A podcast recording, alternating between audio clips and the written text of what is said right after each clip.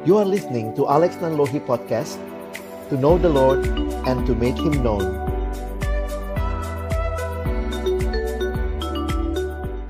Saya bersyukur kepada Tuhan boleh sharing malam hari ini kepada Bapak Ibu Saudara sekalian dan sesuai dengan tema yang diberikan kepada kita, kita akan rethinking our ministry ya. Jadi sebenarnya uh, bukan hal yang baru saya pikir yang akan saya sampaikan karena Bapak Ibu Saudara adalah orang-orang yang sudah terlibat di dalam pelayanan. Ini bukan orang yang akan baru mau terlibat ya. Karena itu kita akan berpikir ulang dan melihat beberapa hal juga yang perlu sama-sama kita disegarkan kembali. Saya selalu ingat kalau naik pesawat itu, Bapak Ibu sekalian ya, meskipun Bapak Ibu udah naik pesawat berapa kali, tapi tetap saja nanti kalau naik itu, maka akan ada petunjuk penggunaan sabuk pengaman, petunjuk mengenakan uh, apa ya, uh, jaket pelampung begitu ya. Jadi sebenarnya tidak ada yang bisa bilang, oh maaf, saya sudah ribuan kali naik pesawat ada hal-hal yang begitu dasar yang karena kita mungkin sudah terlalu terbiasa, kita mungkin tidak menghayatinya, tidak menyadarinya. Jadi kembali lagi malam hari ini kita akan melihat hal-hal yang sangat dasar sebenarnya dalam pelayanan kita sehingga ini kemudian nanti akan bisa menolong kita melihat bagaimana kembali melayani khususnya dalam situasi yang saya pikir juga tidak mudah yang sedang terjadi saat ini. Karena itu saya ingin memulai dengan mengajak kita berdoa terlebih dahulu. Bapa Surgawi kami akan membuka firman-Mu, bukalah juga hati kami. Jadikanlah hati kami seperti tanah yang baik, supaya ketika benih firman-Mu ditaburkan itu boleh sungguh-sungguh berakar, bertumbuh, dan juga berbuah nyata di dalam hidup kami. Berkati hambamu yang menyampaikan, semua kami yang mendengar, juga interaksi di antara kami, Tuhan tolonglah agar pada akhirnya kami bukan hanya jadi pendengar firman yang setia, tapi kami boleh menjadi pelaku-pelaku firman-Mu di dalam kehidupan kami. Bersabdalah ya Tuhan, kami umat-Mu sedia mendengarnya dalam nama Tuhan Yesus Kristus, Sang Firman yang hidup, kami menyerahkan pemberitaan firman-Mu. Amin. Bapak Ibu Saudara sekalian, saya coba siapkan satu presentasi buat kita untuk kita pikirkan bersama malam hari ini. Ya, sesuai dengan tema yang diberikan yaitu rethinking our ministries. Jadi memang pelayanan secara online yang sebenarnya wacananya sudah lama tetapi memang pandemi ini memaksa kita ya, pandemi ini memaksa kita akhirnya untuk segera dan adaptasi ya. Tanpa terasa saya nggak tahu tanpa terasa atau terasa ya buat bapak ibu saudara sekalian sudah hampir satu setengah tahun lebih ya kita dalam situasi yang seperti ini. Jadi bagaimana sekolah minggu sekarang bentuknya kayak begini kali ya. Inilah sekolah minggu yang kita hayati sekarang begitu ya berhadapan dengan uh, laptop dengan HP dengan tab lalu dengan Alkitab dan seterusnya Seringkali saya juga berpikir, Tuhan ini sampai berapa lama begitu ya? Dan uh, kita bersyukur sudah banyak tanda perbaikan yang terjadi, tetapi juga tidak mudah karena orang tua saya pikir juga masih hanya uh, akan sangat berhati-hati mengizinkan anaknya untuk datang sekolah minggu, kalaupun kita buka lagi ya. Sehingga memang tidak mudah, paling tidak masih uh, satu tahun paling ke depan kita akan terus lihat perkembangan dan bagaimana gereja beradaptasi tetapi juga yang menarik bahwa apakah ke depan sekolah minggu akan seperti dulu off uh, uh, onsite offline begitu ya? Ataukah kemudian nanti akan seperti online atau kombinasi? Nah itu saya pikir kita juga sama-sama harus berpikir lebih jauh tentang hal ini. Saya ingat sebuah doa yang disebut sebagai serenity prayer ya. Doa mohon hikmat dari Tuhan. Kalimatnya menarik sekali dikatakan begini. Tuhan berikan aku keberanian untuk merubah hal-hal yang aku bisa ubah. Berikan aku keikhlasan untuk menerima hal-hal yang tidak bisa aku ubah. Dan berikan aku hikmat untuk membedakan keduanya. Di awal-awal pandemi ini doa saya begitu ya. Tuhan apa yang bisa diubah ya? Apa yang tidak bisa diubah, dan hikmat untuk bisa membedakan keduanya.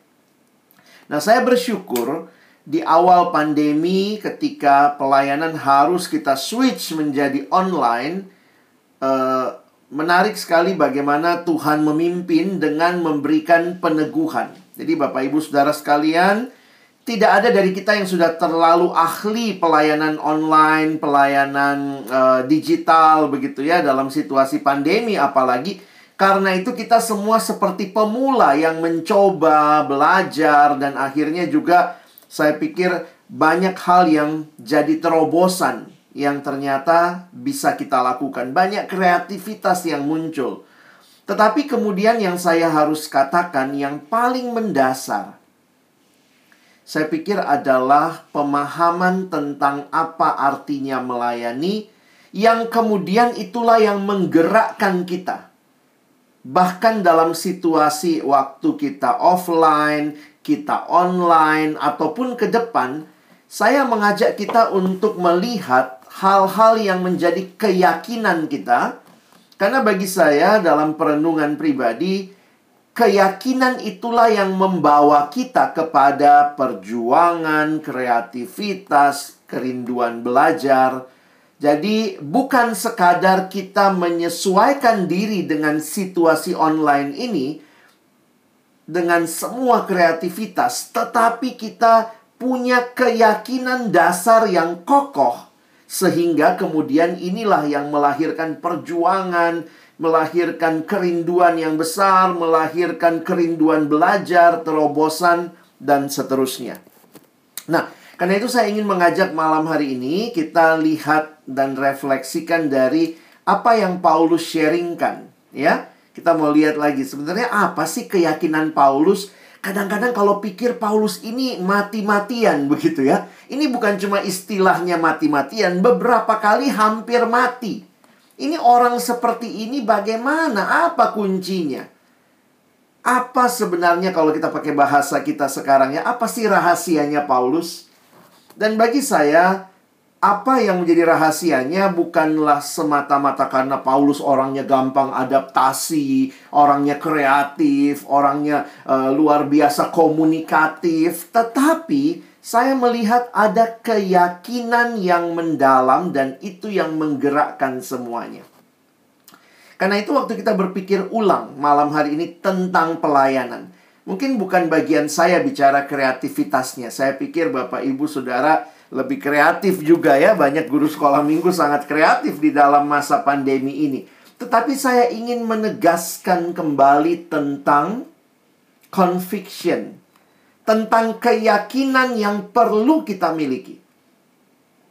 Sehingga itulah yang mendasari kita bergerak maju.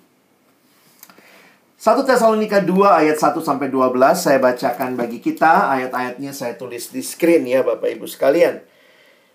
Kamu sendiri pun memang tahu saudara-saudara bahwa kedatangan kami di antaramu tidaklah sia-sia. Tetapi sungguh pun kami sebelumnya, seperti kamu tahu, telah dianiaya dan dihina di Filipi. Namun dengan pertolongan Allah kita, kami beroleh keberanian untuk memberitakan Injil Allah kepada kamu dalam perjuangan yang berat. Sebab nasihat kami tidak lahir dari kesesatan atau dari maksud yang tidak murni dan juga tidak disertai tipu daya. Sebaliknya, karena Allah telah menganggap kami layak untuk mempercayakan Injil kepada kami.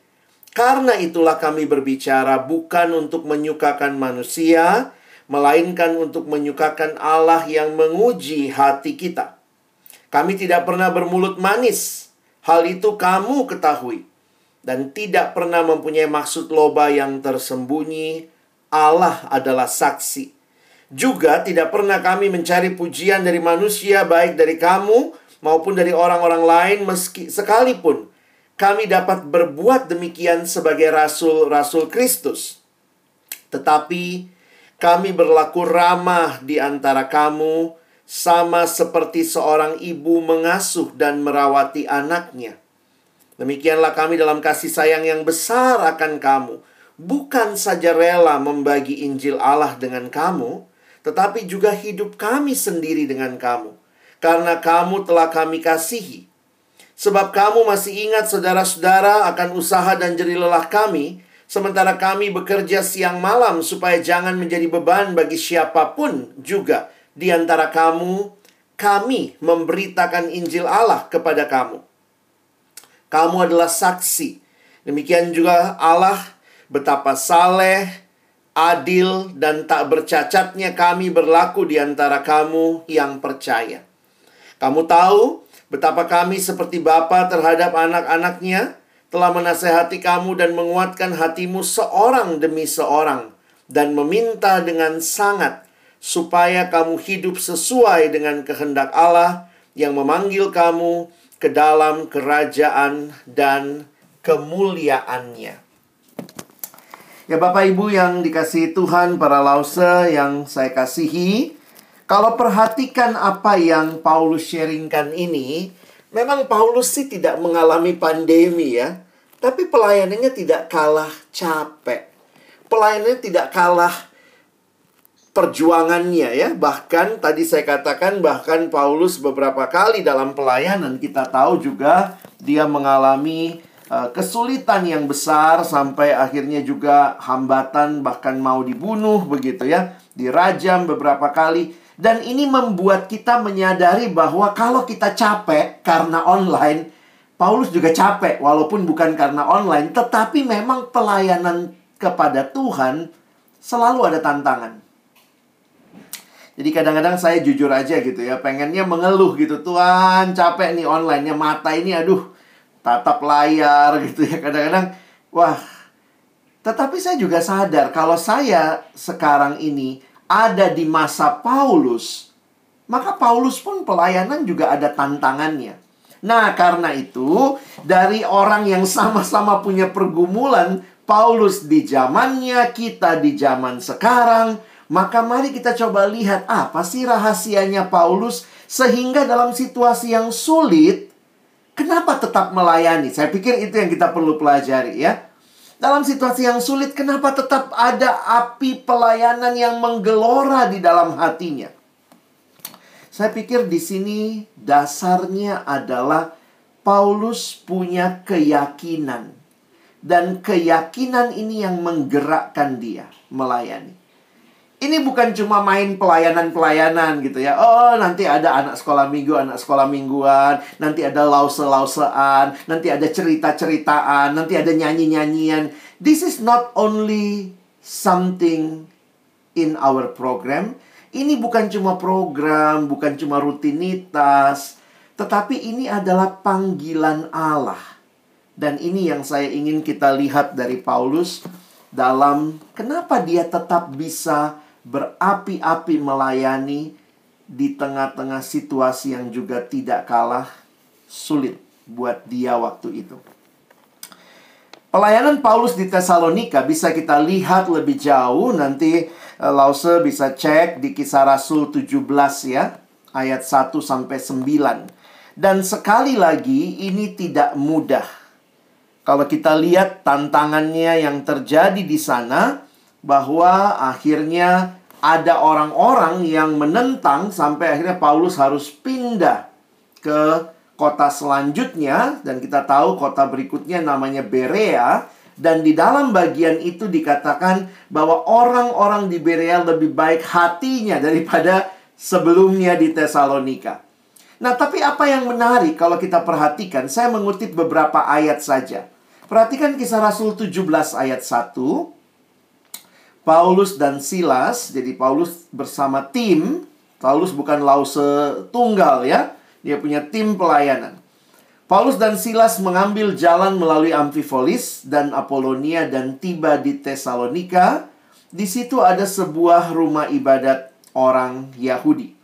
Kalau kita ingat di dalam petanya ada Tesalonika di situ, Bapak Ibu bisa perhatikan ya. Jadi Paulus dari Filipi di kisah Rasul 16 lalu kemudian setelah selesai dari Filipi di Filipi juga masuk penjara begitu ya eh keluar penjara bukannya pulang istirahat lanjut lagi pelayanan dia masuk penjara di Filipi karena pemberitaan Injil masuk ke Tesalonika beritain Injil lagi Ini bagi saya, ini orang apa nggak belajar dari pengalaman begitu ya? Kenapa dia terus memberitakan Injil?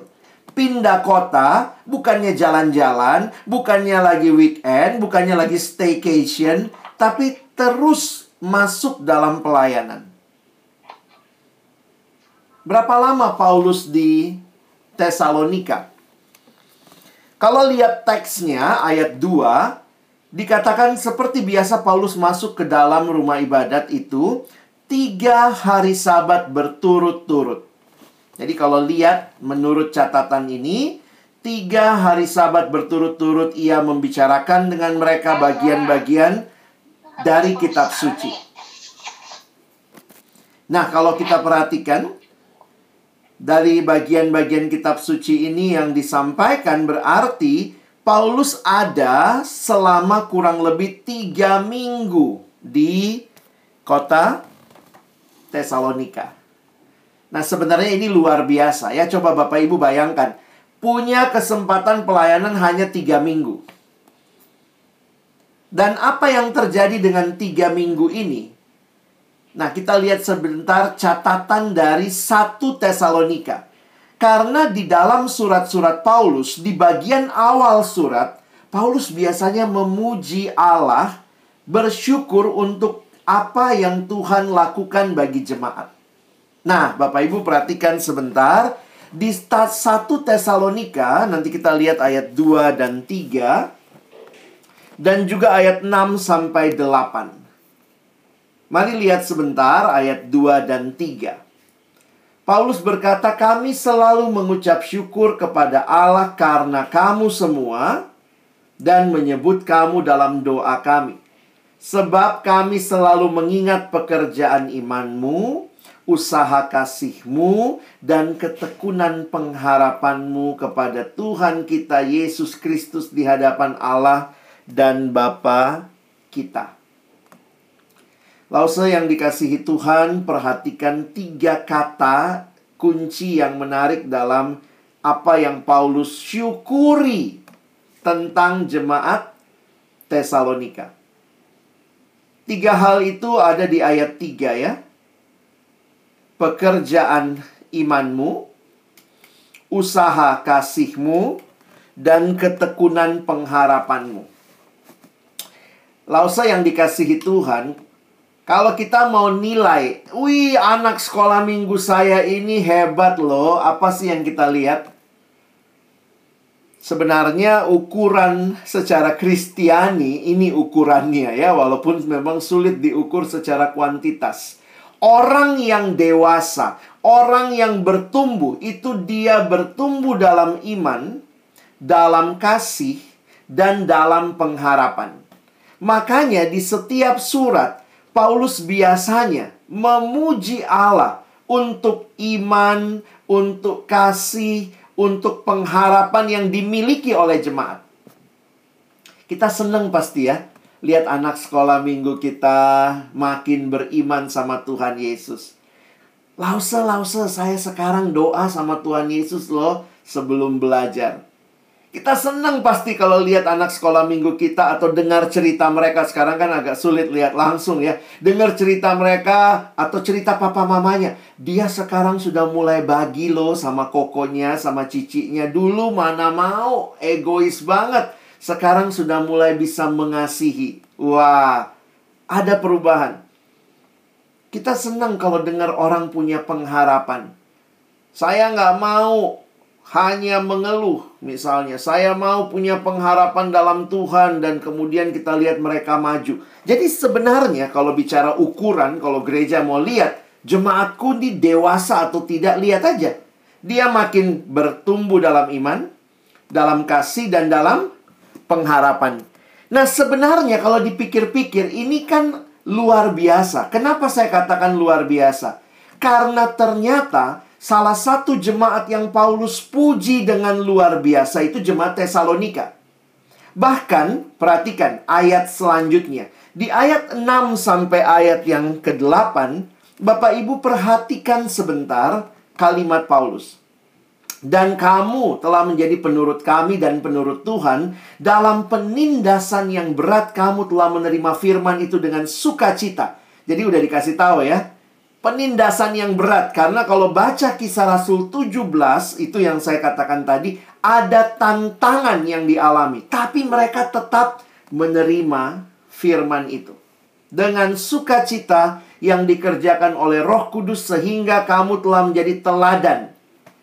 Jarang-jarang nih Paulus memuji jemaat yang seperti ini. Di jemaat Korintus malah Paulus dengan tegas bahkan mencela mereka, mengoreksi mereka. Makanya saya melihat jemaat Tesalonika ini jemaat teladan Bapak Ibu. Sehingga kamu telah menjadi teladan untuk semua orang percaya di wilayah Makedonia dan Akhaya. Nah, nanti Bapak Ibu perhatikan ya. Ayat 7 menjadi teladan di Makedonia dan Akhaya, tapi ayat 8 menjelaskan lebih jauh lagi bahwa karena dari antara kamu firman Tuhan bergema bukan hanya di Makedonia dan Akhaya saja, tetapi di semua tempat. Wow, ini jemaat luar biasa ya. Telah tersiar kabar tentang imanmu kepada Allah sehingga kami tidak usah mengatakan apa-apa tentang hal itu. Bapak Ibu, di mana itu Makedonia? Di mana itu Akhaya? Lihat peta sebentar. Kota Tesalonika itu ada di provinsi Makedonia. Bapak Ibu bisa lihat di situ. Jadi Tesalonika ada di Makedonia, Macedonia itu yang di atas. Sementara Akhaya itu itu provinsi lain. Jadi hebat sekali ini jemaat ya. Jemaat yang bukan hanya di kotanya, tapi bahkan teladan di provinsinya, bahkan sampai ke provinsi lain, bahkan di semua tempat. Wih, hebat sekali. Kira-kira kalau Paulus memuji jemaat GKPJ mungkin gitu ya. Kalau dia bilang bahwa anggaplah jemaat di Kuala Tungkal bukan hanya jadi teladan di Kuala Tungkal tapi di seluruh provinsi Jambi bahkan sampai ke Medan misalnya, sampai ke provinsi Sumatera Utara, bahkan se-Indonesia. Wih, ini jemaat hebat banget. Bapak Ibu, ini mimpilah kita punya jemaat kayak begini ya. Kita senang banget kalau anak sekolah minggu kita tuh bertumbuh dalam iman, dalam kasih, dalam pengharapan, dan akhirnya jadi teladan. Bahkan jadi teladan di banyak tempat. Coba kita relasikan. Berapa lama Paulus di Tesalonika? Tiga minggu. Ini kadang-kadang mikir gitu. Coba uh, lause-lause ngajar sekolah minggu selama tiga minggu berturut-turut. Lalu anak yang dihasilkan ternyata beberapa tahun kemudian luar biasa. Dia jadi berkat bahkan di semua tempat tersiar kabar tentang imannya. Ini jemaat ideal. ya, di 1 Tesalonika 1 ayat 1 sampai 10 ini jemaat ideal. Ini anak sekolah minggu ideal ya. Yang luar biasa. Mungkin kita pikir gitu, siapa yang menghasilkan ini? Kalau dipikir secara manusia, Paulus cuma ngajar tiga, tiga minggu. Tetapi dari mana kita pelajari? Apa yang terjadi? Bagi saya menarik sekali di ayat yang kelima sebenarnya 1 Tesalonika 1. Sebab Injil yang kami beritakan bukan disampaikan kepada kamu dengan kata-kata saja, tetapi juga dengan kekuatan oleh Roh Kudus. Dan dengan suatu kepastian yang kokoh, memang kamu tahu bagaimana kami bekerja di antara kamu oleh karena kamu. Di ayat yang keenam, Paulus menyebut juga tentang Roh Kudus. Siapa yang mengerjakan? Kamu telah menerima firman itu dengan sukacita yang dikerjakan oleh Roh Kudus. Jadi kita bisa simpulkan, Bapak Ibu sekalian. Kadang-kadang logikanya tiga minggu loh ya. Tiga minggu itu waktu yang singkat. Tapi menghasilkan jemaat seperti ini. Ini bukan hanya pekerjaan Paulus, tetapi ini adalah pekerjaan roh kudus. Lause-lause ini pasti sudah mengajar lebih dari tiga minggu ya. Mungkin udah tiga tahun saya, Pak. Kalau ada yang saya, saya udah 13 tahun. Mungkin saya sudah hampir 20 tahun begitu ya. Tapi mari kita sadari. Dampak yang sanggup dilakukan bukan karena kita. Tapi semata-mata adalah karya roh kudus yang memakai kita. Karena itu jangan lupa karya ini karya Roh Kudus, ini pelayanan, ini bukan cuman saya saya senang cerita sama anak-anak. Ini bukan cuma sedang storytelling di sekolahan gitu ya. No. Lause-lause kamu semua kita semua sedang melayani Allah. Maka bergantung kepada Allah. Berlutut di hadapan Tuhan, berdoa minta Roh Kudus bekerja setiap kali sekolah minggu tiap minggu dilakukan kita tidak hanya bicara kreativitas, tapi kita bicara kuasa Allah yang sanggup mengubah hidup anak-anak sekolah minggu kita. Kadang-kadang tanpa sadar karena kita sudah cukup lama mengajar, sudah biasa mengajar, kita jadi lupa bahwa kita butuh Tuhan lebih daripada sekadar pengalaman kita. Betul, Tuhan pakai pengalaman ya. Tapi masihkah kita benar-benar bertelut berdoa kepada Tuhan? Kadang-kadang kita sudah ingat ceritanya ya, udah cerita Yesus lahir berapa kali, udah cerita Lazarus berapa kali. Kadang-kadang aduh nggak usah pakai doa lah, Pak, udah tahu gitu ya. Tapi ini bukan sekadar ingatan tetapi berdoalah supaya Roh Kudus bekerja di dalam dan melalui semua yang kita siapkan. Ini pekerjaan Roh Kudus melalui diri Paulus dan timnya. Oke, jadi kenapa tiga minggu bisa jadi berkesan bahkan menghasilkan luar biasa karena ada pekerjaan Roh Kudus ya. Saya pikir lause-lause yang sudah lama mengajar lalu lihat anak sekolah minggunya sekarang sudah jadi tanda kutip katanya jadi orang, sudah mulai jadi berkat, tetap setia hidup dalam Tuhan. Kita hanya bisa berkata Tuhan terpujilah engkau yang berkarya di dalam hidupnya. Mari disegarkan lagi bahwa ini bukan pekerjaan kita semata-mata, tapi semata-mata pekerjaan Roh Kudus di dalam dan melalui kita. Nah, tapi sekarang saya mau masuk yang keduanya ya. Betul, Roh Kudus bekerja, tapi jangan lupa, Roh Kudus itu bekerja melalui kita. Karena itu peran kita juga penting ya. Saya nggak bilang kita kalau gitu nggak ada perannya, nggak juga. Tidak ada jemaat ideal tadi tanpa Paulus dan timnya. Betul, pasti Roh Kudus bekerja, tapi Roh Kudus bekerja melalui Paulus dan timnya. Karena itu menarik sekali kalau Bapak Ibu tadi melihat 1 Tesalonika 2, di dalam 1 Tesalonika 2, Paulus lebih banyak cerita tentang apa yang Tuhan lakukan dalam dirinya dan bagaimana dirinya sebagai pelayan Tuhan. Nah, saya ingin mengajak kita melihat minimal ya kalau saya coba lihat secara cepat saja minimal ada tiga hal yang harusnya dimiliki oleh pelayan Tuhan. Tiga hal yang Paulus sharingkan. Jadi mari kita sambil evaluasi ya. Saya sudah sekian lama jadi lause masih punya nggak ya tiga hal ini ya? Karena kalau tidak kita gampang mundur begitu ya. Karena udah tantangan itu makin banyak. Nah tiga hal ini apa? Yang Paulus sharingkan yang dia miliki di dalam 1 Tesalonika 2. Yang pertama, saya melihat dia punya yang namanya visi.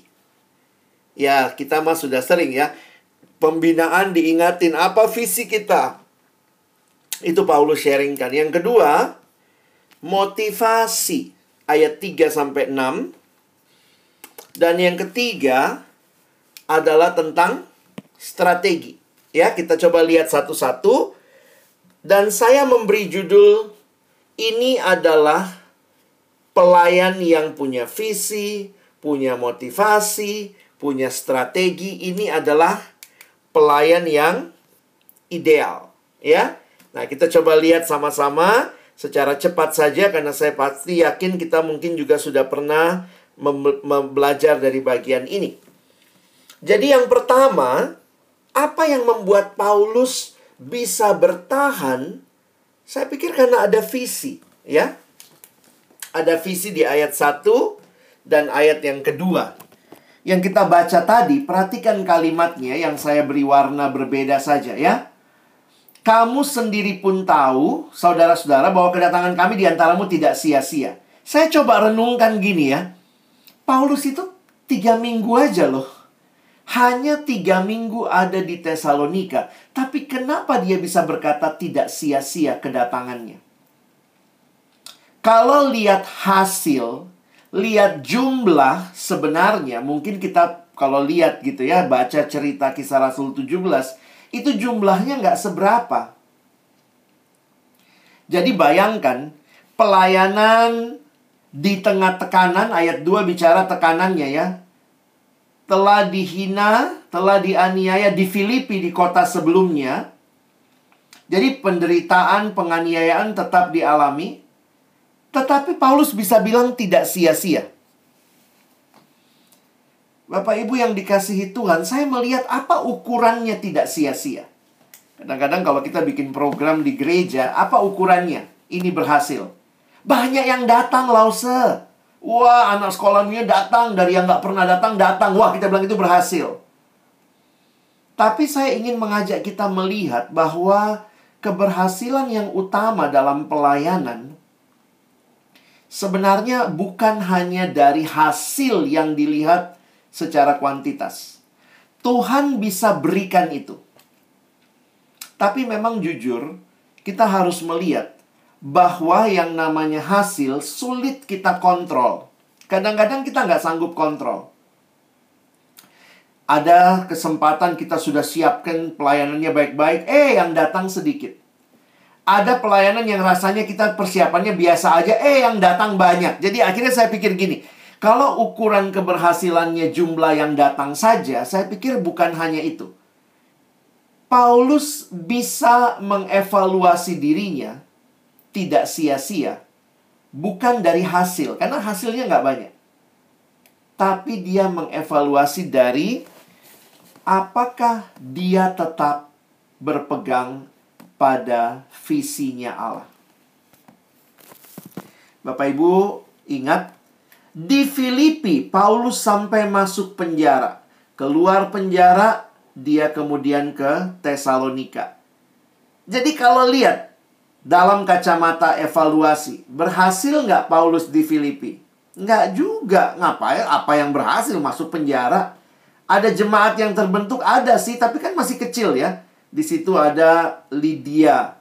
Lalu nanti eh, Bapak Ibu bisa lihat di situ ada kepala penjara. Lalu ada perempuan yang kerasukan.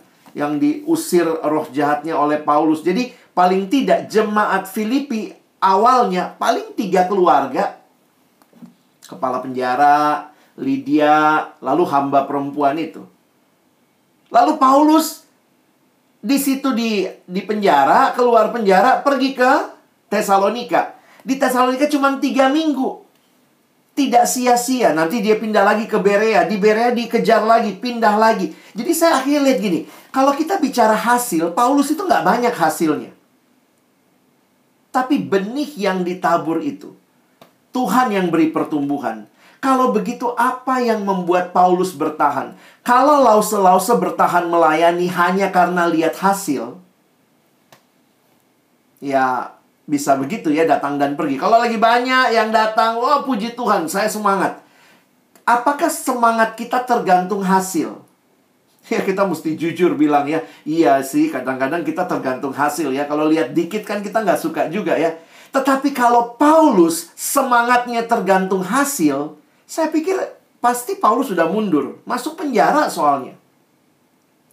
Kalau gitu semangat Paulus dari mana? Dari Allah. Itu namanya visi. Kenapa bisa bilang tidak sia-sia? Dan ini kemudian keluar dari satu tempat, pergi lagi ke tempat lain, tetap pelayanan, pergi lagi ke tempat lain, tetap pelayanan. Dan dia katakan itu tidak sia-sia. Karena Paulus tidak bersemangat hanya karena hasil. Paulus bersemangat karena dia tahu panggilan Tuhan bagi dia. Terima kasih tadi contoh Rio sudah pilih lagu Pekerja Kristus ya. Saya hayati tadi contoh Rio bilang kita ingat pertama-tama Tuhan panggil kita menjadi pekerjanya. Semangat kita seharusnya tetap membara ketika tahu bahwa Tuhan yang memanggil kita.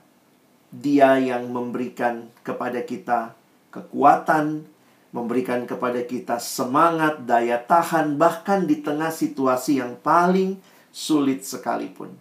Karena itu, periksa lagi relasi kita dengan Tuhan.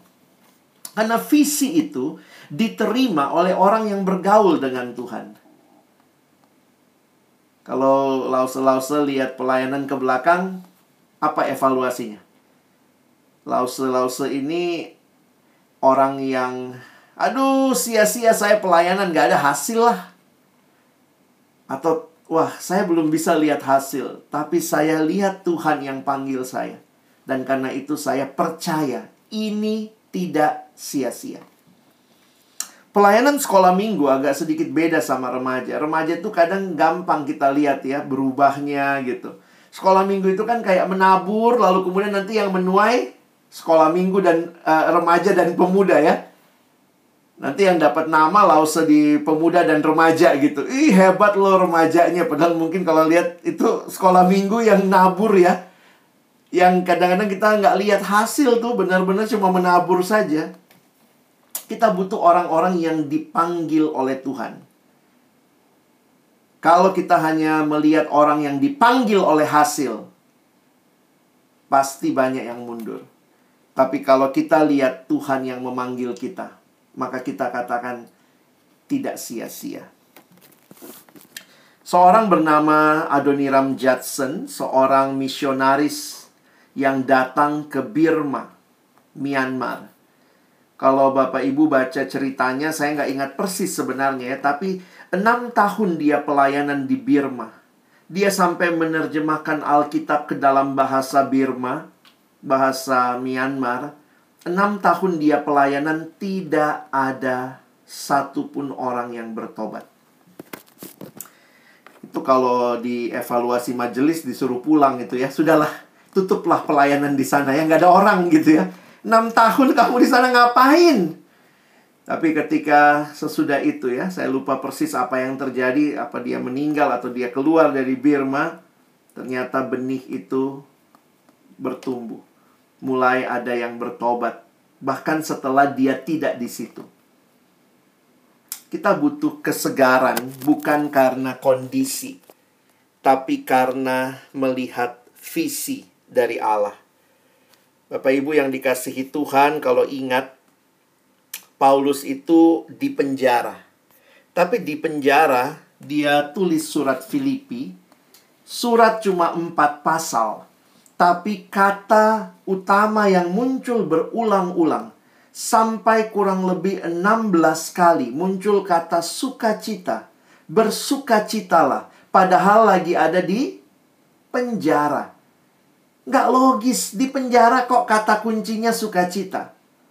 Tapi itulah orang yang melayani bukan karena kondisi, tetapi karena visi dia akan terus bertahan. Yang kedua, motivasi. Yang membuat Paulus juga terus bertahan karena dia tahu bahwa dia melayani Allah. Ini motivasi utama, bukan melayani manusia. Perhatikan di ayat-ayat yang kita baca tadi. Berkali-kali Paulus mengingatkan dirinya dan juga jemaat Nasihat kami tidak lahir dari kesesatan atau dari maksud yang tidak murni dan juga tidak disertai tipu daya. Sebaliknya karena Allah telah menganggap kami layak untuk mempercayakan Injil kepada kami. Karena itulah kami berbicara, bukan untuk menyukakan manusia, melainkan untuk menyukakan Allah yang menguji hati kita. Wah, jaga motivasi itu juga satu perjuangan ya. Kita itu gampang sekali menyukakan manusia, bahkan lagi-lagi menyukakan diri kita. Kita pingin disebut lause yang terbaik, kita pingin kita dipuji, kita pingin dapat pujian, tapi Tuhan mau mengingatkan kita, motivasi harus dimurnikan terus ya. Di ayat selanjutnya, karena sampai ayat 6, Paulus berkata, "Karena kami tidak ber pernah bermulut manis, hal itu kamu ketahui, dan tidak pernah mempunyai maksud loba yang tersembunyi." Beberapa penafsir Alkitab mengkaitkan maksud loba karena mungkin ada jemaat yang mencurigai Paulus pelayanan supaya dapat uang. Jadi maksud loba di sini ada kaitannya dengan mendapat keuntungan materi dari orang yang dilayani. Dan Paulus bilang Allah adalah saksi. Juga tidak pernah cari pujian dari manusia baik dari kamu maupun dari orang lain sekalipun dia katakan sebagai rasul dia bisa seperti itu. Murnikan motivasi kita. Karena itulah yang membuat kita bertahan. Kadang-kadang tidak mudah ya. Sudah pelayanan susah-susah dipuji enggak disalah-salahin lagi ya. Orang tua bukannya terima kasih anaknya dilayani malah bilang ini kenapa sih anak saya gini lause lausenya nggak beres ini ngajarnya.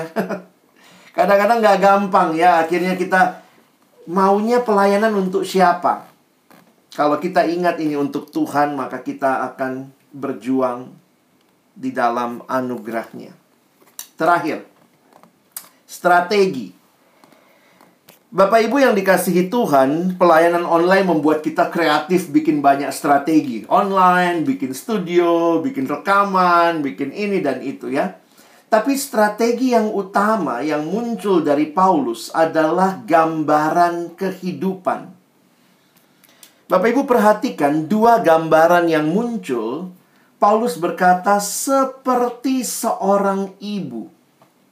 Itu strategi yang kelihatan dia lakukan, kami berlaku ramah di antara kamu seperti seorang ibu mengasuh dan merawati anak. Paulus itu laki-laki, nggak pernah jadi perempuan. Paulus itu nggak pernah jadi mama, nggak pernah jadi ibu dalam hidup sebagai laki-laki, ya dia laki-laki. Tetapi gambaran ibu menjadi gambaran yang begitu kuat kalau Bapak Ibu perhatikan kitab Galatia, bahkan Paulus berkata, aku itu seperti sakit bersalin. Jadi dia lihat waktu dia melayani jemaat itu kayak dia sakit bersalin. Padahal Paulus kan nggak pernah melahirkan Bapak Ibu ya. Tapi kelihatan bahwa perjuangannya buat jemaat sama seperti perjuangan orang perempuan melahirkan. Di sini dia katakan di ayat 8 dalam kasih sayang yang besar akan kamu bukan saja rela membagi Injil Allah, tetapi juga rela membagi hidup kami dengan kamu karena kamu kamu telah kami kasihi. Wah, ini luar biasa ya. Mengasuh dan merawati. Apa strategi kita buat anak sekolah minggu kita ya? masih kadang-kadang strateginya kalau kita bicara kreativitas bagi saya yang penting bukan hanya kreativitasnya tapi di balik itu apakah benar-benar kasih yang tulus seperti ibu yang mengasuh dan merawati anaknya? Ini Paulus sama jemaat loh relasinya. Di ayat selanjutnya eh dia bicara seperti bapak kalau tadi ibu mengasuh dan merawat, sisi yang lembut ya. Di sini ayat 11 seperti bapak terhadap anak-anaknya.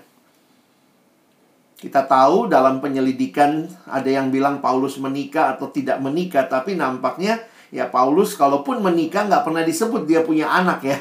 Tapi bagaimana kepada jemaat dia seperti bapak terhadap anaknya menasehati kamu dan menguatkan hatimu seorang demi seorang.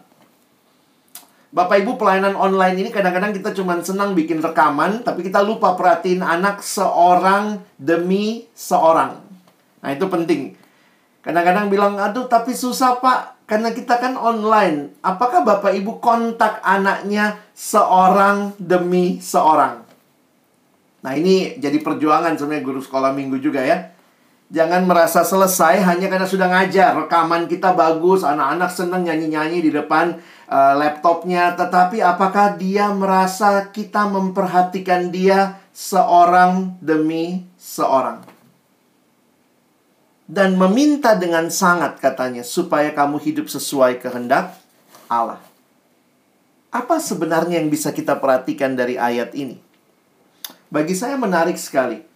Gambaran strategi seperti ayah, seperti ibu menjadi sebuah perjuangan mengasihi jemaat.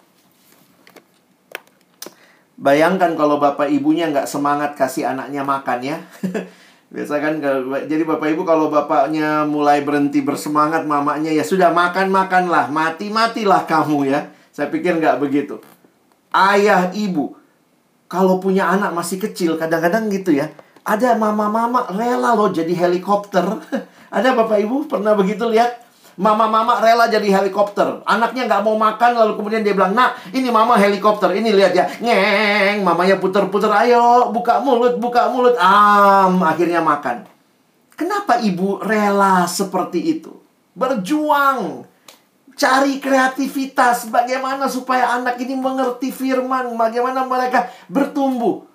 Perjuangan yang lahir dari kasih seorang ibu perjuangan yang lahir dari kerinduan seorang bapak menasehati menguatkan anak-anak itu akan menjadi sebuah perjuangan yang justru lebih bermakna daripada hanya sekadar bicara perjuangan tanpa motivasi dan strategi yang benar-benar dirindukan. Jadi ini semacam apa ya? Ya kita pikirin lagi lah pelayanan kita. Ya ini buat saya juga yang mempersiapkan. Saya pikir hari ini kesimpulannya kita lihat dua hal ya. Jangan mimpi ada jemaat yang ideal karena jemaatnya ideal banget di pasal satu ya tapi jemaat yang ideal ini karena ada pelayan yang ideal. Pelayan yang dipakai Tuhan luar biasa. Tiga hal yang kita rindu dari jemaat yang ideal: iman kepada Allah, kasih kepada sesama, dan pengharapan akan kedatangan Kristus yang kedua kali. Ingat, ini pekerjaan Roh Kudus dan juga pekerjaan Paulus dan timnya. Tetapi apa yang perlu disiapkan? Mari sebagai pelayan yang ideal. Bangun terus visi yang dari Allah Terus jaga motivasi yang murni. Dan mari bangun strategi yang terus mengasihi yang kita layani sebagai seorang ibu dan bapak. Kiranya Tuhan menolong kita untuk bisa mengaplikasikan firman ini dalam pelayanan kita ke depan.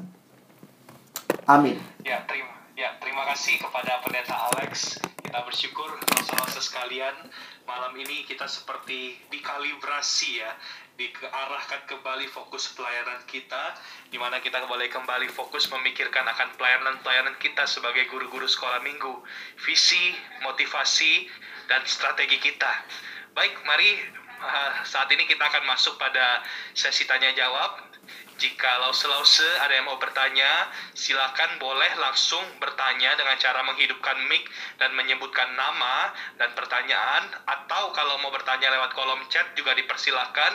Nanti saya sebagai moderator akan membacakannya. Silakan lause-lause kalau ada yang mau bertanya langsung terlebih dahulu. Apakah ada? Ya, kalau nggak memang biasanya moderator harus memancing ya. saya akan mulai dulu selesai ya. saya akan mulai pertanyaan dulu ya. Saya akan bertanya kepada pendeta Alex. Ya, nih uh, Pak Alex ya di masa pandemi ini uh, kita sering kali sebagai pelayan-pelayan Tuhan ya. Kita sering kali tuh ya kita tahu akan visi, motivasi dan strategi gitu ya. Tapi sering kali kita stuck karena terlalu overwhelmed ya, terlalu tenggelam dengan begitu banyaknya perubahan yang harus diikuti ya. Misalnya, lause-lause sekarang harus biasa mengajar di depan layar, lalu harus bisa membuat PowerPoint yang menarik, materi pengajaran yang menarik agar anak-anak itu bisa fokus ikuti gitu ya. Sehingga akhirnya mungkin uh, di antara para pelayan ini mulai merasa tidak sanggup dan mulai kehilangan semangat nih. Nah, kira-kira bagaimana nih Pak Alex cara untuk kita bisa deal dengan hal ini nih? Ya, terima kasih. Uh, contoh ini satu pergumulan yang real ya Nah, saya tidak punya solusi yang yang pasti karena saya tidak tidak tahu kondisi di setiap pelayanan ya. Mungkin ada lause yang hanya sendiri di situ, uh, ada lause yang mungkin untuk di posnya juga harus berjuang sendiri. Cuma kalau kita punya tim akan baik sekali. Ya mungkin timnya juga yang saya pikir uh, coba kita bangun lah ya um, saya berharap semakin banyak orang muda juga dilibatin ngajar sekolah minggu. Kadang-kadang kan memang ya lause-lause ini sudah pengalaman, tapi kan kita makin tua ya. ya kecuali ada lause yang makin muda di sini ya, itu paling karena skincare-nya ya. Tapi kita kan makin tua. Kalau kita makin tua, sementara makin jauh dari dunia anak, kita perlu pertama, kita perlu punya kerinduan juga belajar tapi juga kemampuan belajar kita kadang-kadang nggak sebanding sama percepatan perubahan. Nah, di situ kita butuh yang lebih mudah. Nah, mungkin juga saya nggak tahu bagaimana kalau gereja bisa menyediakan kalaupun anaknya tidak ngajar sekolah minggu misalnya, tapi dia bisa tolong bikinin PowerPoint misalnya.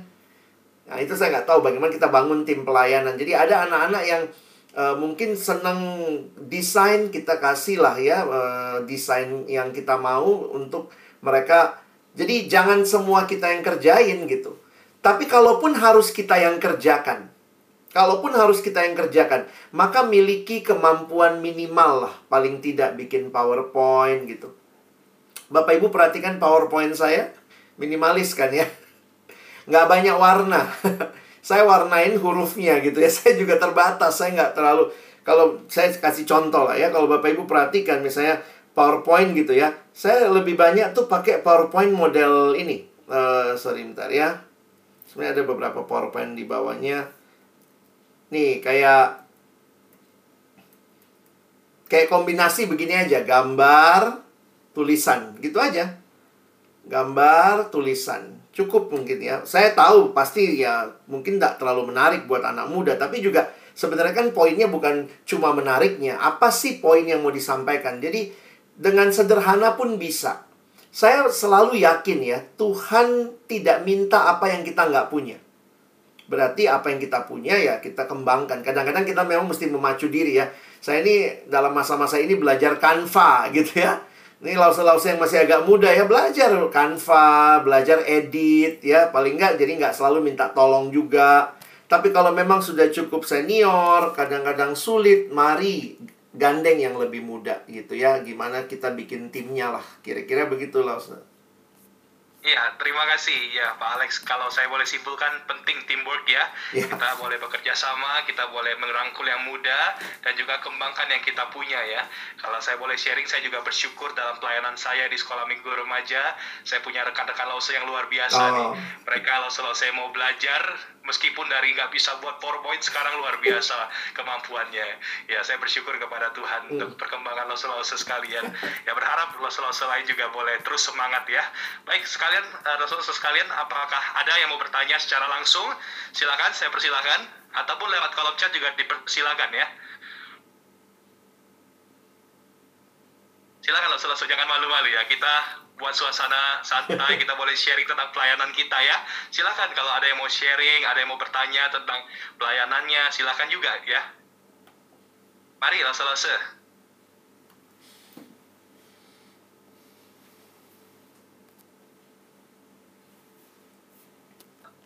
Ya, silakan Pak Joseph ya dari GKI Jambi ya, silakan. Uh, ya, Nah, saya dari GKI Jambi, yeah. uh, saya dari GKI Jambi dan bisa dibilang uh, baru juga karena baru uh, baru beberapa bulan lalu di Jambi, ya, oh, jadi pindahan, pindahan dari Bandung. Nah, yeah. karena masih bisa dikatakan masih muda, masih umur rentang masih 20-an dan uh, mendapatkan pelayanan atau diposisikan di pelayanan seperti melayani anak-anak, anak sekolah minggu dalam hal ini, uh, agaknya saya secara pribadi menjadi uh, mem, apa menjadi pergumulan secara pribadi ya untuk uh, pelayanan anak-anak di umur segini. Yeah.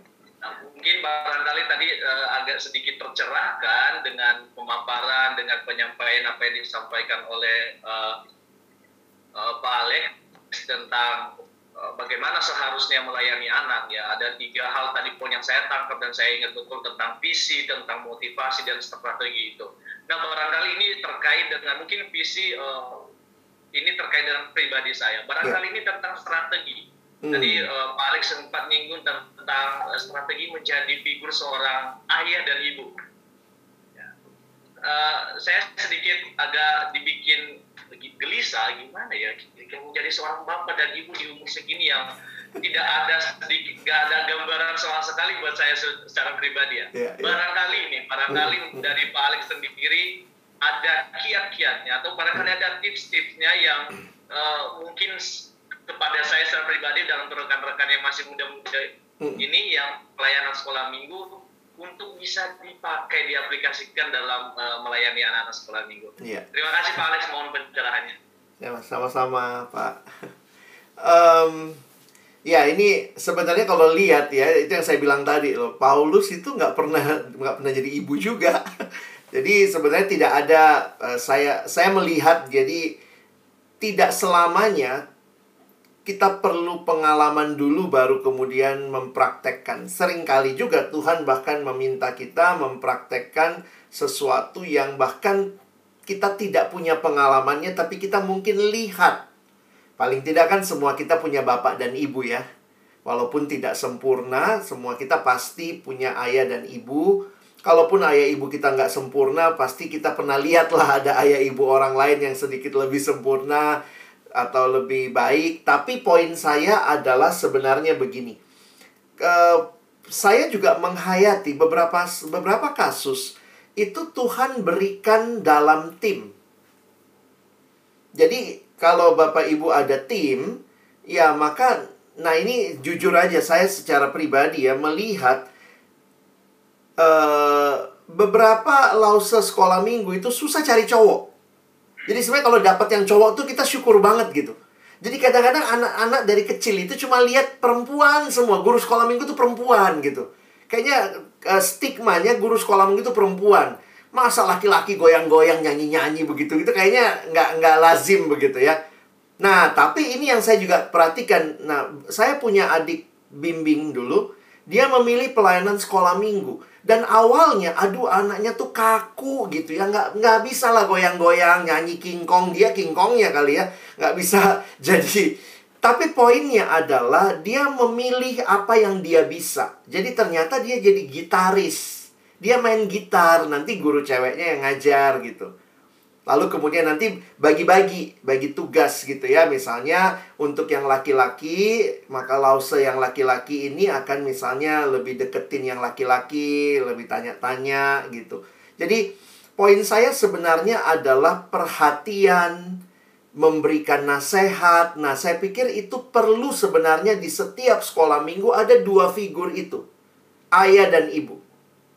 Atau laki-laki dan perempuan lah ya Kalaupun cuma ada satu, kadang-kadang dia dua-duanya harus lakukan. Tapi kalau ada dua, ya nggak apa-apa. Yang laki mungkin lakukan bagian laki, yang perempuan yang bagian perempuan. Jadi eh, hal-hal uh, itu saya pikir dalam pergumulan nanti uh, coba coba di iniin aja Pak uh, Lause ya jalani aja gitu ya jalani jal, jalani dan di situ nanti kita akan bisa melihat sebenarnya ya. Ini jadi persiapan pernikahan juga kan?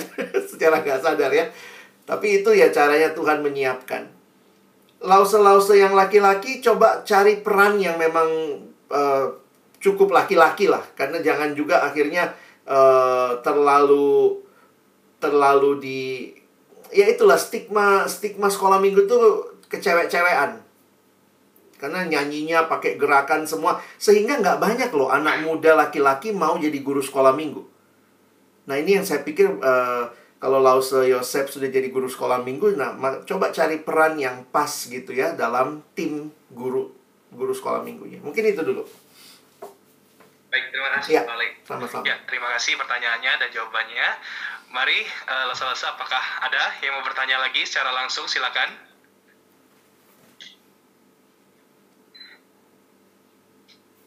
Ya, silakan Rasulullah sebutkan nama kalau ada silakan.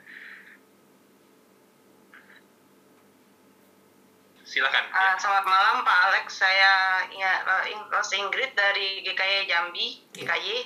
Uh, jadi saya um, baru bergabung juga di GKY Jambi hmm. berapa bulan. Uh, kebetulan saya diberikan untuk ngajar kelas kecil. Hmm. Sebenarnya kalau kelas kecil ini kesulitannya agak ini karena anak-anaknya kan masih kecil sehingga uh, cerita nggak boleh lama. Yeah. Sekitar lima menit itu harus selesai. Tapi poinnya itu kadang tuh poinnya. Hmm. Karena misalnya hmm. kadang kita bahas pelayanan. Mestinya kadang memang cuma berkaitan sama kamu harus taat sama orang tua gitu sebenarnya yang macam yang itu sih poin-poinnya gitu Pak Alex hmm, sekarang hmm. bingung gitu yeah. untuk apa praktisnya gitu gimana terima kasih Iya boleh. Ya, mungkin dalam menyampaikan ya ini menyampaikan ya. seperti ini ya. Usia iya, berapa ya, tadi? Lause Inggris usia berapa? Yang diajar? Uh, uh, masih 25 tahun juga. Anak anak anak sekolah minggunya umur berapa kelas yang dipegang? Uh, kelas uh, sekolah minggunya ini umur sekitar uh, di bawah SD di TK kayaknya. Oh, oke. Okay. Berarti kurang dari 6 tahun. Iya, iya, thank you. Sebenarnya satu sisi yang menarik gini ya, Lause ya, Lause-Lause semua, kita lagi masa pandemi, kadang-kadang jadinya menarik gini, kita bisa lihat loh sekolah minggu orang lain ya. kita bisa bisa lihat sekolah minggu semua gereja di YouTube begitu ya, dan kita jadi bisa belajar ya. Nah, poin saya sebenarnya, uh, poinnya adalah begini mengemas berita kalau saya jadi jadi orang yang membawakan dan memang kita mesti sadar ya untuk anak kecil konsentrasi yang terbatas online lagi maka prioritaskan jangan lupa prioritaskan ayatnya dibaca. Ya karena anak-anak dari kecil juga sebaiknya biasakan ayatnya dia baca atau dia dengar. Lalu yang kedua bisa jadi kata kunci dari ayat itu yang kita highlight. Jadi misalnya kalau tentang pelayanan atau apa, tapi belum tentu semua ada kata kuncinya di situ ya. Nah, maka saya membayangkan sebenarnya seperti paku, kalau kita paku ya, ada paku lalu ada palu, sebaiknya itu kita pukul satu aja pakunya, kita tancapkan satu kali, dua kali, tiga kali, tapi pakunya satu, jadi makin dalam, makin dalam, makin dalam buat kita yang terbiasa ngajar kelas besar itu sudah bisa ngerti 2-3 poin. Jadi adik-adik hari ini kita belajar apa? Pertama, visi. Kedua, motivasi. Ketiga, strategi. Tapi kalau anak kecil lebih baik dia cuma belajar satu hal tapi dipakunya dalam gitu. Jadi misalnya hari ini kita belajar apa? Taat sama orang tua. Oke, jadi kita mulai kasih contoh apa bentuk taat? Bagaimana taat?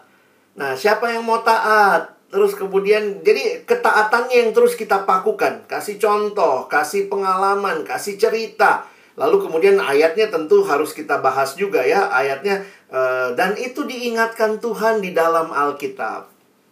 Nah, itu memang akan jadi pergumulan. Makanya untuk situasi seperti ini, uh, saya nggak tahu ya, lause-lause bisa pikirkan ya.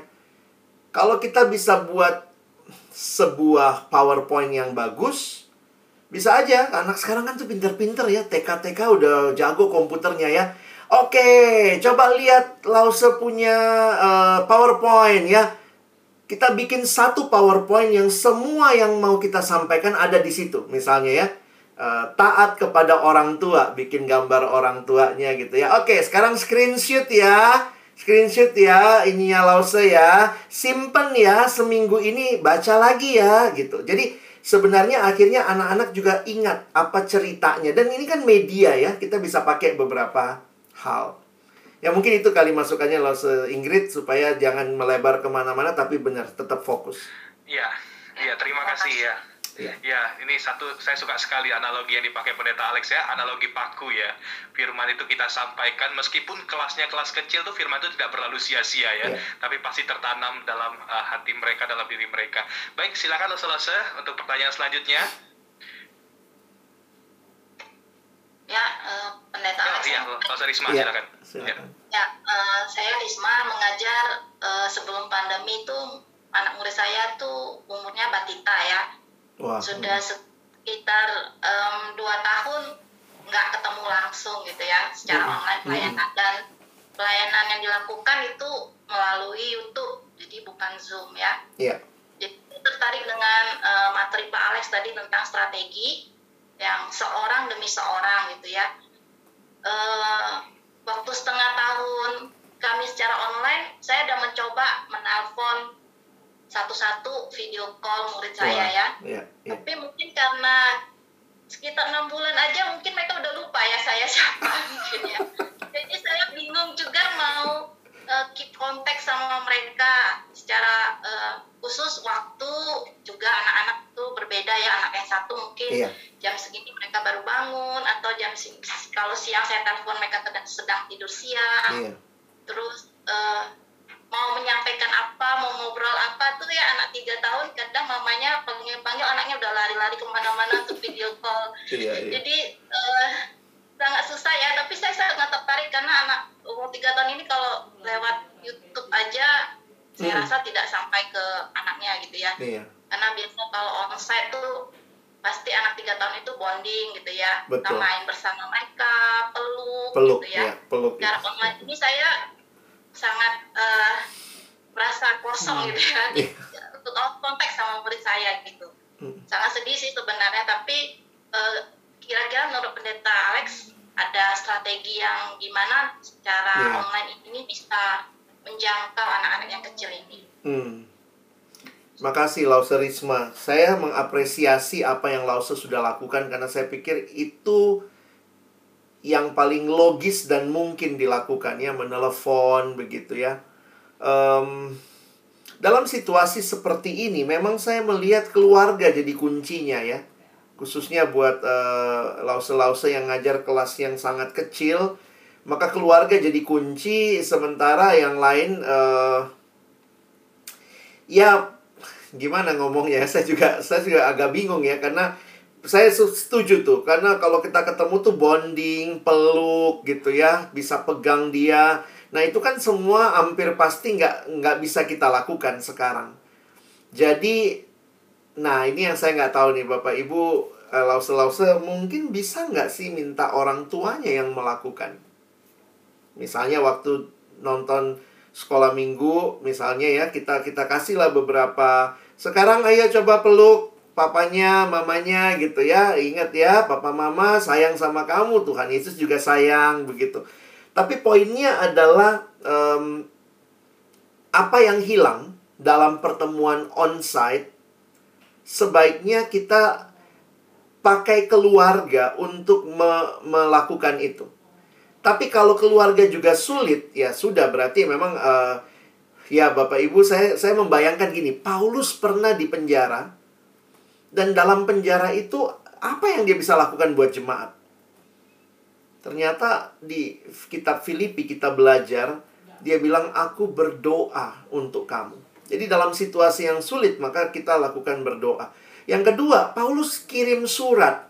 Nah itu yang saya pikir tetap ada kontak. Kalau Lause tadi mereka udah nggak inget saya, tapi apa? Tapi coba ketika Lause tetap kontak. Memang kontaknya ya mungkin kalau seminggu sekali atau mungkin sebulan sekali tiap anak bergilir itu akan menolong mereka Paling tidak nanti satu waktu orang tuanya bisa bilang, ini loh Lause yang selalu telepon kamu. Itu mungkin akan jadi memori yang dia punya walaupun sangat... Saya suka mikir gini ya, roh kudus tuh bekerja melampaui tiga minggu loh. Paulus cuma tiga minggu, apa sih tiga minggu itu? Tapi tiga minggu itu bisa dihasilkan jemaat luar biasa karena pekerjaan roh kudus. Nah makanya kalau Lause bisa tetap lakukan itu, anaknya lari segala macam mungkin kalau nelfon juga kita fokus aja gitu ya apa uh, saya juga nggak tahu apa yang mesti disampaikan tapi fokusnya adalah uh, kita kita ingatkan kepada kepada anak-anak itu. Saya pikir tiap anak memang konsentrasinya berbeda ya. Tapi biasanya orang tua harus pegang peranan penting. Paling tidak doakan anak itu. Itu saja cukup menurut saya jadi ketika anak-anak juga datang kepada Yesus, Yesus cuma menumpang tangan ya. Yesus juga nggak kayak, oke okay, sekarang duduk ya, Yesus ngajar nggak ditulis di Alkitab Yesus ngajar waktu anak-anak datang, tapi dia menumpangkan tangan. Jadi kalau kita telepon, lalu di telepon kita pikir nanti sambil video call saya mau jelasin ayat ini, jangan deh kalau anak kecil kita doain aja lah dengan doa yang singkat, sebut namanya dan kiranya itu jadi sesuatu yang Tuhan bekerja dia ingat gitu. Mungkin itu dulu lah selesai juga. Ya, terima kasih ya Pendeta Alex. ya. Kalau saya boleh simpulkan ya, kita perlu libatkan orang tua dalam penjangkauan kita. Betul. Yang kedua tetap lakukan bagian kita, kita jangkau mereka dan kita doakan mereka. Baik, selesai pertanyaan selanjutnya silakan. Kita masih ada waktu ya, mungkin uh, dua pertanyaan lagi atau tiga jika masih mencukupi. Silakan selesai.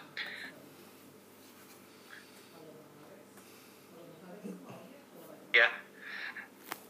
Oh ya, silakan. Silakan Losa Shirley. Uh, malam Pak Alex. Selamat malam Losa.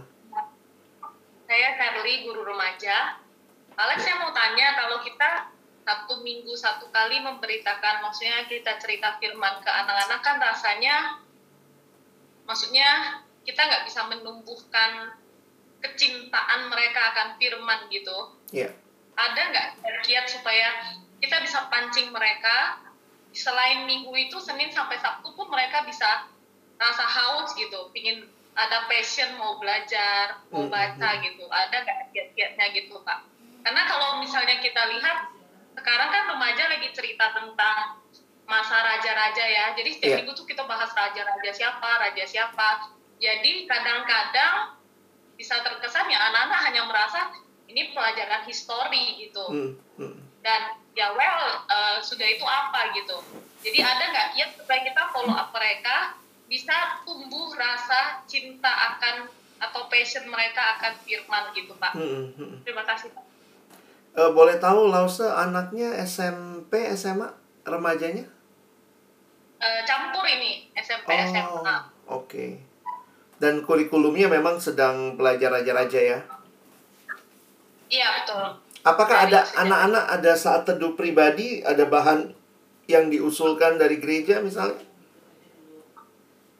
Uh, setahu saya nggak ada ya. Hmm. Karena kalau kalau saya lihat secara umum sebaiknya sih uh, karena sekarang ya mungkin kalau kalau di sekolah kalau mereka memang sudah sekolah di sekolah Kristen kayak di Bina Kasih kan memang tiap hari ada ada renungan bersama ya jadi sebenarnya satu sisi sudah ada itu. Jadi uh, kecintaan kepada firman yang dibangun saya pikir ada rutinitas yang baik. Misalnya setiap hari dia punya saat teduh, entah di sekolah kah atau kalau dia di sekolah negeri, maka kita kasih buku renungan yang akan dia baca tiap hari itu baik ya. Tapi yang kedua begini, mungkin bangkitkan kerinduan mereka dengan audiovisual juga kali, Lause. Misalnya masuk ke Bible Project Bible Project itu kan banyak video-video animasi setiap kitab. Misalnya kitab Raja-Raja, itu ada video animasinya. Jadi mungkin itu menolong ya. Jadi istilahnya gini, um, kita tidak bisa tutup mata generasi ini audiovisual.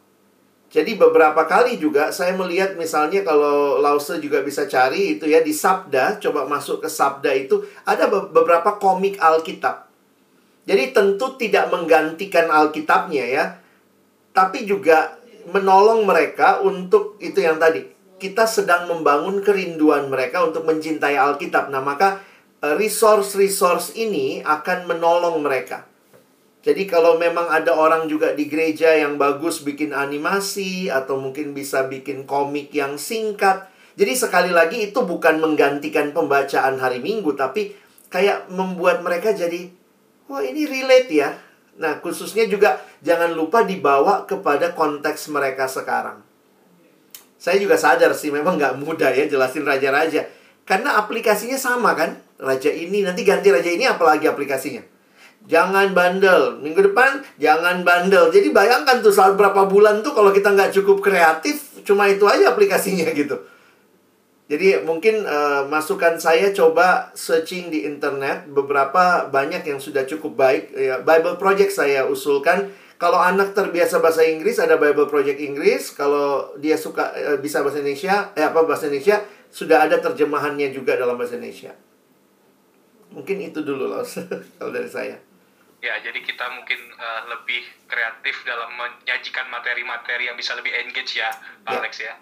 Ya, oke. Okay. Terima kasih pertanyaannya, Sosiali. Baik, mungkin ini pertanyaan terakhir lah selesai mengingat waktu kita yang uh, tidak, yang sudah cukup malam ya.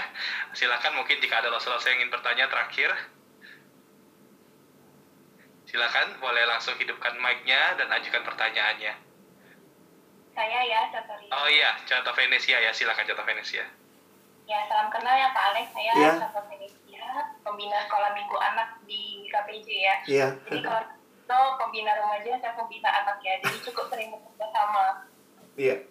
Nah, Pak Alex, saya mau tanya dua hal. Yang pertama, uh, terima kasih sudah mengingatkan bahwa uh, dari teladan Paulus itu, dari ciri lelahnya, Paulus tidak lelah melayani Tuhan karena mengingat bahwa ini adalah panggilan Tuhan. Yeah saya juga guru-guru sekolah minggu di sini ketika memutuskan untuk menjadi guru sekolah minggu itu juga adalah panggilan Tuhan. Mm. Nah, karena panggilan Tuhan ini yang bisa memampukan rasul-rasul bisa melayani termasuk di masa pandemi sampai hari ini. Nah mungkin dari Pak Alex uh, ada tips begitu supaya rasul-rasul bisa kembali semangat dengan mengingat panggilan dari Tuhan begitu. Mm. Uh, uh, itu pertanyaan yang pertama ya Pak. Yeah. Kemudian yang kedua uh, tadi pertanyaannya berhubungan dengan dokter Isma juga. Jadi kalau di guru sekolah minggu itu ranahnya tidak hanya lause dan juga anak, tetapi orang tua. Yeah. Menurut Pak Alex, sejauh mana kita perlu uh, melibatkan orang tua, apalagi di masa pandemi ini ya, Pak Alex yeah. ya, uh, untuk bisa uh, sama-sama membangun pelayanan di sekolah minggu ini. Iya. Yeah. Pak Alex. Baik. Terima kasih, Lause. Um, Sebenarnya yang saya katakan tadi itu juga dari pengalaman pribadi bahwa visi itu diterima, dinikmati, dihidupi oleh orang yang bergaul dengan Tuhan. Jadi sebenarnya tidak ada cara lain selain secara uh, secara mendasar lause-lause tetap berelasi dengan Tuhan dalam masa pandemi ini ya. Tetap menikmati baca firman, berdoa begitu. Nanti kalau bicara tips and triknya ya mungkin kita juga tetap apa ya uh, kalau bisa ya ada pertemuan-pertemuan berkala misalnya tiga bulan sekali kayak kita saling menyemangati ya. Bedakan sama persiapan persiapan ngajar. Karena kalau persiapan ngajar itu kan semua udah ini ya. Jadi nanti dengan kreatif kali ya dari lause-lause bisa uh, lause yang pengurus atau cuan taunya bisa pikirin gitu ya Misalnya uh, saya ingat beberapa kali retret itu ada bikin reminder, bikin reminder. Saya ingat tuh ada batu, kirimin batu ke setiap ini misalnya ke setiap uh, ya batu batu yang bagus ya, ada batu yang bulat itu lalu kemudian bisa kita tulis. Jadi itu kan sebenarnya hal-hal yang kayak kita di remind ya. Orang Israel itu setiap kali sampai di satu tempat disuruh bikin uh, mesbah. Itu kebiasaannya. Nah, dulu saya mikir gitu ya, kita kok jadi kayak kalau lihat orang Katolik itu kan banyak banget simbolnya ya. Tapi kita yang Protestan kan jarang simbol nih. Nah, jadi sebenarnya satu sisi kita juga perlu untuk misalnya apa simbol panggilan Tuhan. Saya dengan mahasiswa pernah gitu juga, misalnya untuk pengurus. Pengurus kan setahun. Jadi di awal itu kita tulis komitmen sama-sama, tapi tulisnya di batu, ya. Nah, tiga bulan lagi, kemudian kita bikin sesi lagi. Ayo, kita ini lagi. Mana batunya? Bawa semua batunya. Ingat lagi apa gitu. Jadi, kita ada kayak reminder ya. Jadi, salah satu membangkitkan semangat. Kita buat reminder-reminder. Kita buat sahabat doa. Yuk, dua, dalam tiga bulan ke depan, lause ini jadi sahabat doa buat lause ini ya. Sehingga, gimana caranya? Setiap minggu tanya apa yang mau didoakan, bagaimana kondisi. Jadi sebenarnya kita ciptakan sistem yang di dalamnya kita semua terlibat gitu. Nah, mungkin itu sih ya. Selain ya secara pribadi jangan pernah lupa kita bangun terus relasi sama Tuhan. Selebihnya kita pakai komunitas, kita pakai reminder gitu ya. Hmm, STTAA saya lihat kemarin cerita mereka punya jalan salib gitu ya. Wah, orang-orang Injilis sekarang udah mulai ikut jalan salib. Itu kan reminder-reminder ya yang kita buat begitu. Kita perlu membiasakan diri punya batu-batu peringatan untuk kita mengingat Tuhan, termasuk ingat panggilan Tuhan. Yang kedua, orang tua dilibatkan. Saya pikir ini akhirnya jadi satu satu hal yang real ya. Siapa sih yang akhirnya bersama anak setiap hari? Akhirnya balik lagi orang tua ya Dulu orang tua kirim anak ke sekolah minggu, kirim anak ke sekolah. Sekarang orang tua di rumah sama anak. Nah, jadi saya pikir di sini uh, mungkin perlu ya bikin seminar orang tua. Jadi coba buat seminar orang tua kalau mungkin tahun pelayanan yang baru. Misalnya gini ya, jadi begini, melibatkan itu kan butuh, bukan cuma gini. Bapak Ibu jangan lupa anaknya ya, diingetin gitu. Tapi, um, nah saya di gereja bersama teman-teman biasa membuat, jadi gini, setahun sekali, ya setahun dua kali tuh. Setiap semester, kita kumpulin orang tua. Saya ngajarnya remaja kan, kita kumpulin orang tua dan kita kasih tahu tiga bulan ke depan ini atau enam bulan ke depan ini kami akan ngajarin anak tentang ini. Jadi kasih tahu juga kita akan ngajarin anak tentang ini. Lalu kita kasih tahu Bapak Ibu, kita harapkan juga ikut mendukung anak gitu. Mungkin mereka mau nanya, mungkin mereka mau apa atau Bapak Ibu habis anak sekolah minggu jangan lupa ya tanya-tanya supaya misalnya mereka refresh gitu. Lalu kemudian kita kasih tahu mungkin uh, Bapak Ibu untuk bisa mengerti bahan pelajarannya uh, kami ada ringkasannya kah atau mungkin kita minta mereka nonton Bible Project itu kan bisa juga buat orang tua. Jadi orang tua itu dilibatkan bukan cuma kadang-kadang kita libatin mereka jangan lupa ya ajak anaknya, jangan lupa ya doain anaknya. Tapi dia terlibat dalam materi ajar. Nah, ini jujur aja tidak semua orang tua juga bisa tapi saya melihat orang tua sekarang sudah punya kesadaran lebih karena sekolah sudah begitu. Sekolah tuh sekarang begitu suka orang tua ya, kumpulin orang tua. Jadi uh, bagi saya orang tua modern ini uh, kita bisa libatin lebih jauh dengan uh, materi pelajaran. Saya pikir sih itu yang bisa kita lakukan sih. Kalau dia belum percaya ya memang agak sulit. Tapi kalau dia sudah percaya, maka saya pikir Bapak Ibu punya uh, bagian lah untuk melibatkan mereka. Thank you. Ya, terima kasih Pak Alex, Tuhan berkati. Sama-sama. Ya, terima kasih ya kepada Pendeta Alex, sebuah pengingat yang sangat penting sekali bagi kita guru-guru sekolah minggu ya. Visi dari Tuhan itu dihidupi dari orang yang bergaul bersama dengan Tuhan. Dan sekali lagi kita diingatkan juga tentang pentingnya kita melibatkan orang tua dalam pelayanan sekolah minggu kita. Kita bersama murid-murid kita mungkin hanya dua jam per minggu gitu ya. Betul. Tapi mereka bersama dengan orang tua mereka setiap harinya gitu. Penting sekali kita melibatkan mereka. Baik, selesai eh, kita bersyukur kepada Tuhan. Malam hari ini kita boleh diberkati dengan uh, banyak sekali berkat-berkat Tuhan, pengingat-pengingat bagi kita dalam pelayanan kita mungkin kalau boleh saya simpulkan daripada seminar malam ini, mari kita kembali mengingat daripada memikirkan kembali visi kita, motivasi kita, dan strategi kita dalam melayani Tuhan. Mari kita mulai dengan visi kita. Kita ingat akan panggilan Tuhan bagi kita. Kita ingat bahwa Allah yang memanggil kita untuk masuk dalam pelayanan ini. Mari kita ingat motivasi kita ketika melayani. Kita melayani karena kita rindu untuk boleh melayani Allah, membawa anak-anak kepada Allah, dan terakhir strategi dalam kita melayani seperti Paulus begitu yang mengasuh dan merawat. Mari kita pun boleh mengasuh dan merawat daripada murid-murid sekolah minggu yang Tuhan percayakan bagi setiap kita.